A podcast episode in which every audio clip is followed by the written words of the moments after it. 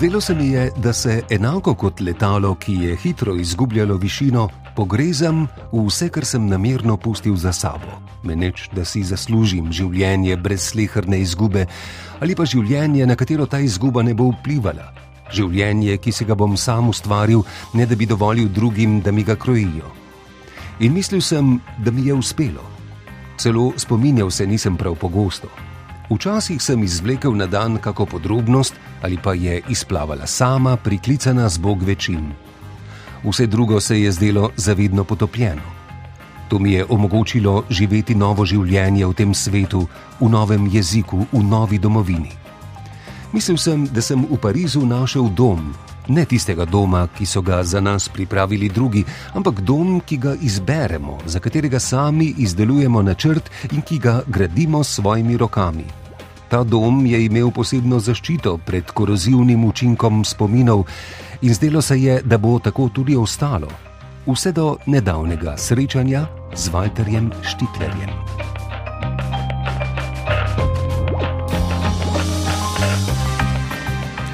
Slišani odlomek prihaja iz romana, ki želi pokazati moč idej, pa tudi moč strasti.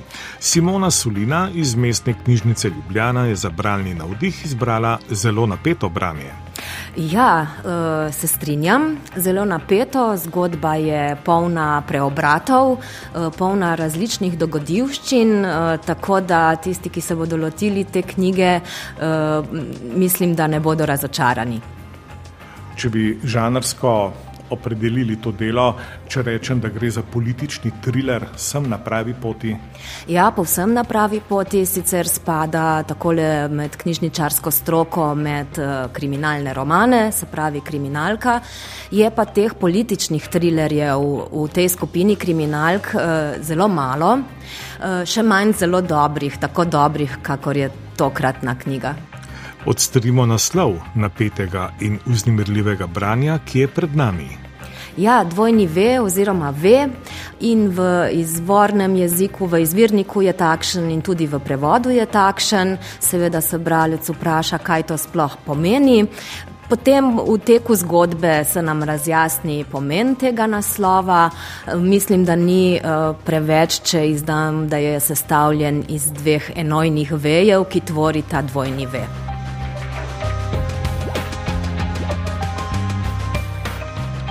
Torej, knjigo je napisal Igor Štiks, ki prvoosebnemu pripovedovalcu posodi svoje ime in priimek, tako da je ta prvoosebni pripovedovalec pravzaprav Igor Štiks. Eh, živi v Parizu, je intelektualec, eh, deluje na političnih znanostih v tem okviru v glavnem in nekoč se mu približa eh, neznan možakar, ki se predstavi kot Walter Stix. Seveda je Igor Štiks, ki pozna politične razmere zelo začuden, kaj ta možak, ki je bil nedavno rešen iz ene od eksplozij, iz ene hiše, ki se je na pol porušila, um, kaj sploh hoče ta možakar, se pravi od njega. Uh, Walter Stix mu začne pripovedovati svojo življenjsko zgodbo. Uh, Igor Štix, ki pa je tudi deloma pisatelj, si to zgodbo zapisuje in v tej zgodbi so res neverjetne reči, o katerih mu Walter Stix uh, pripoveduje vse od tega, odkje izvira in kako se je odpravil po Evropi, tako kot je tudi na naslovnici knjige ali pa v spremni besedi napisano, da bi rešil svet. Roman z naslovom Dvojni V ima tudi zelo aktualno vsebinsko dimenzijo. Nekoč levičar, ki je postopoma opustil levičarski idealizem ter postal vodilni desničarski mislec. Tudi v evropski politiki najdemo številne primere politikov, ki so nekdaj veljali za najbolj obetaven kader levice. Komunističnih partij, potem pa so se levili in postali voditelji populističnih desničarskih strank to je eh, ta trik v knjigi. Namreč eh, na koncu se šele zavemo pomena tega trika. Tale Walter Stix, eh, ki je bil sprva levičar in potem postal desničar, no to se mu je zgodilo nekako po letu 1968, po teh eh, vseevropskih študentskih eh, in intelektualnih demonstracijah. Zdaj, zakaj je spremenil svoje mnenje, je tudi vprašanje te knjige in tudi odgovor izvemo v knjigi, zakaj je temu tako. Hkrati pa seveda spremljamo še zgodbo drugega veja, se pravi, en je Walter, drug je Vladimir, oba se začneta, začneta svoje ime z dvojnim vejem ali pa tudi z navadnim vejem, odvisno zdaj, kje se nahajata.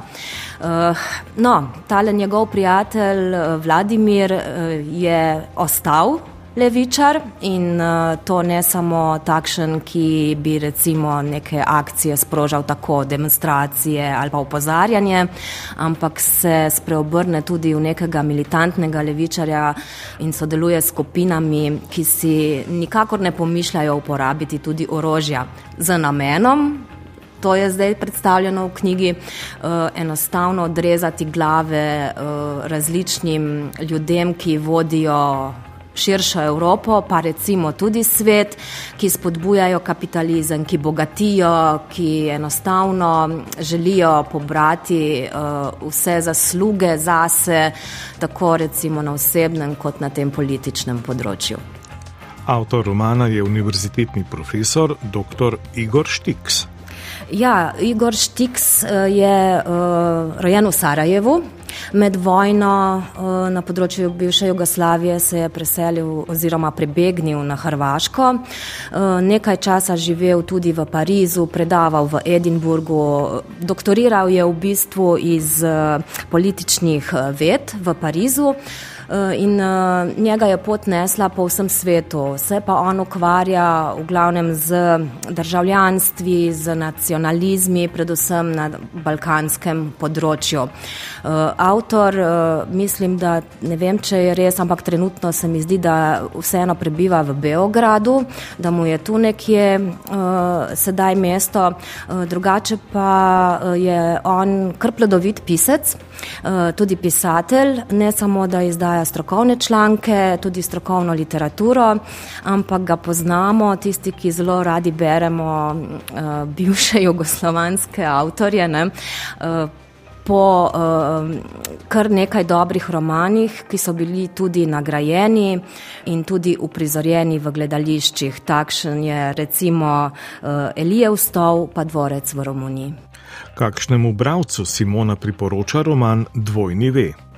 Ja, uh, jaz mislim, da predvsem tistim bravcem, ki želijo zvedeti kaj o zgodovini 20. stoletja, uh, predvsem evropski zgodovini, pa recimo po drugi svetovni vojni ali še bolje tam 70. 80. leta, ki pa imajo svoje izvore vseeno naprej, ne? še med drugo svetovno vojno. Uh, omenjeni so različni uh, politiki, kot ugrabitev Alda Mora, ki je bila tako zveneča. Ne? Takrat smo se, uh, jaz sem bila sicer še mlajša oseba, ampak se spomnim tega dogodka, uh, ko so začele te razne tajne levičarske ali pa tudi nekakšne druge skupine delovati proti temu uh, komunizmu, nekemu, bom rekla v narekovajih, imperializmu. Ne? Uh, tem kapitalu, ki se preveč skoncentrira v enih rokah.